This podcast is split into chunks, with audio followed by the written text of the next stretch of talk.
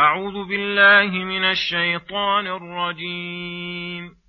وقال الرسول يا رب إن قوم اتخذوا هذا القرآن مهجورا وكذلك جعلنا لكل نبي عدوا من المجرمين.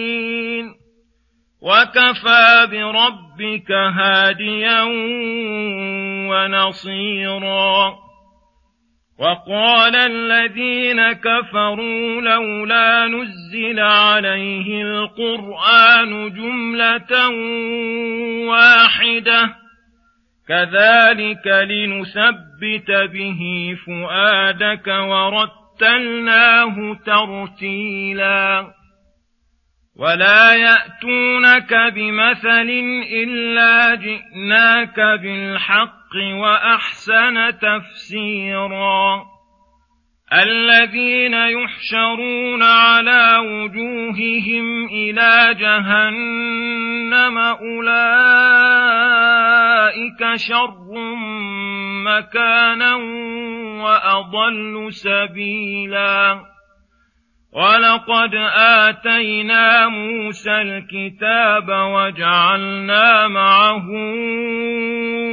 أخاه هارون وزيرا فقلنا اذهبا إلى القوم الذين كذبوا بآياتنا فدمرناهم تدميراً وقوم نوح لما كذبوا الرسل أغرقناهم وجعلناهم للناس آية وأعتدنا للظالمين عذابا أليما وعادا وثمود وأصحاب الرس وقرونا بين ذلك كثيرا وكلا ضربنا له الأمثال وكلا تبرنا تتبيرا ولقد أتوا على القرية التي أمطرت مطر السوء أفلم يكونوا يرونها بل كانوا لا يرجون نشورا بسم الله الرحمن الرحيم. السلام عليكم ورحمة الله وبركاته. يقول الله سبحانه فقال الرسول يا رب إن قوم اتخذوا هذا القرآن مهجورا.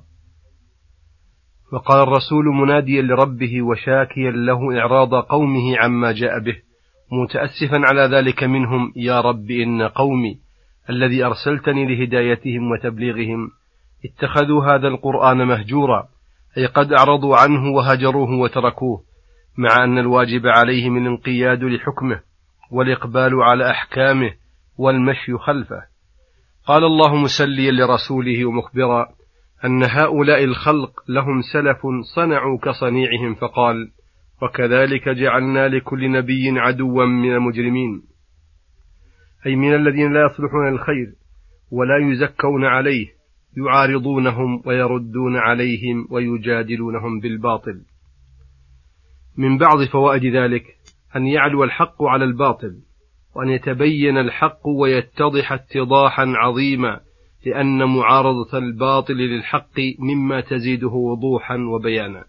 وكمال استدلال وأن نتبين ما يفعل الله بأهل الحق من الكرامة وبأهل الباطل من العقوبة فلا تحزن عليهم ولا تذهب نفسك عليهم حسرات. وكفى بربك هاديا يهديك فيحصل لك المطلوب ومصالح دينك ودنياك. ونصيرا ينصرك على أعدائك ويدفع عنك كل مكروه في أمر الدين والدنيا فاكتف به وتوكل عليه. هذا من جملة مقترحات الكفار الذي توحيه إليه أنفسهم فقالوا لولا نزل عليه القرآن جملة واحدة وأي محذور من نزوله على هذا الوجه؟ بل نزوله على هذا الوجه أكمل وأحسن. ولهذا قال كذلك أنزلناه متفرقا لنثبت به فؤادك لأنه كلما نزل عليه شيء من القرآن ازداد طمأنينة وثباتا فخصوصا عند ورود أسباب القلق فإن نزول القرآن عند حدوث السبب يكون له موقع عظيم وتثبيت كثير أبلغ مما لو كان نازلا قبل ذلك. ثم تذكره عند حلول سببه ورتلناه ترتيلا أي مهلناه ودرجناك فيه تدريجا وهذا كله يدل على اعتناء الله بكتابه القرآن وبرسوله محمد صلى الله عليه وسلم حيث جعل إنزال كتابه جاريا على أحوال الرسول ومصالحه الدينية.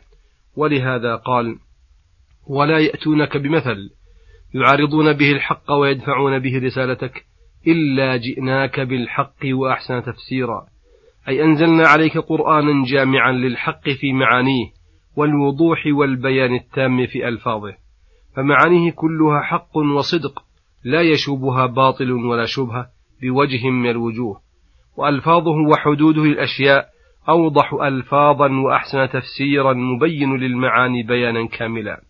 وفي هذه الآية دليل على أنه ينبغي للمتكلم في العلم من محدث ومعلم وواعظ أن يقتدي بربه في تدبيره حال رسوله.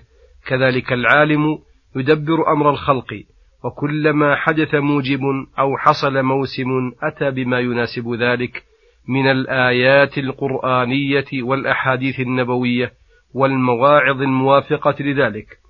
وفيه رد على المتكلفين من الجهمية ونحوهم ممن يرى أن كثيرا من نصوص القرآن محمولة على غير ظاهرها.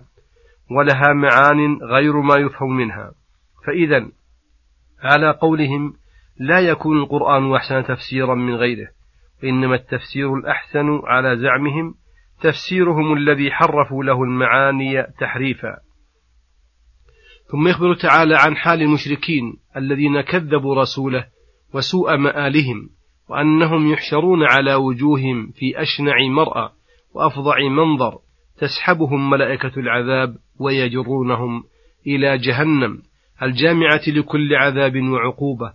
أولئك الذين بهذه الحال شر مكانا ممن آمن بالله وصدق رسله وأضل سبيلا. وهذا من باب استعمال أفعى التفضيل فيما ليس في الطرف الآخر منه. فإن المؤمنين حسن كلامهم وحسن مكانهم ومستقرهم. واهتدوا في الدنيا إلى الصراط المستقيم وفي الآخرة إلى الوصول إلى جنات النعيم. أشار تعالى إلى هذه القصص وقد بسطها في آيات أخر ليحذر المخاطبين من استمرارهم على تكذيب رسولهم فيصيبهم ما أصاب هؤلاء الأمم الذين كانوا قريبا منهم ويعرفون قصصهم بما استفاض واشتهر عنهم. ومنهم من يرون آثارهم عيانا كقوم صالح في الحجر كالقرية التي أمطرت مطر السوء بحجارة من سجيل يمرون عليهم مصبحين وبالليل في أسفارهم فإن أولئك الأمم ليسوا شرا منهم ورسلهم ليسوا خيرا من رسول هؤلاء. أكفاركم خير من أولئكم أم لكم براءة في الزبر؟ ولكن الذي منع هؤلاء من الإيمان مع ما شاهدوا من الآيات أنهم كانوا لا يرجون بعثا ولا نشورا فلا يرجون لقاء ربهم ولا يخشون نكاله فلذلك استمروا على عنادهم وإلا فقد جاءهم من الآيات ما لا يبقى معه شك ولا شبهة ولا إشكال ولا ارتياب. وصلى الله وسلم على نبينا محمد وعلى آله وصحبه أجمعين وإلى الحلقة القادمة غدا إن شاء الله. والسلام عليكم ورحمة الله وبركاته.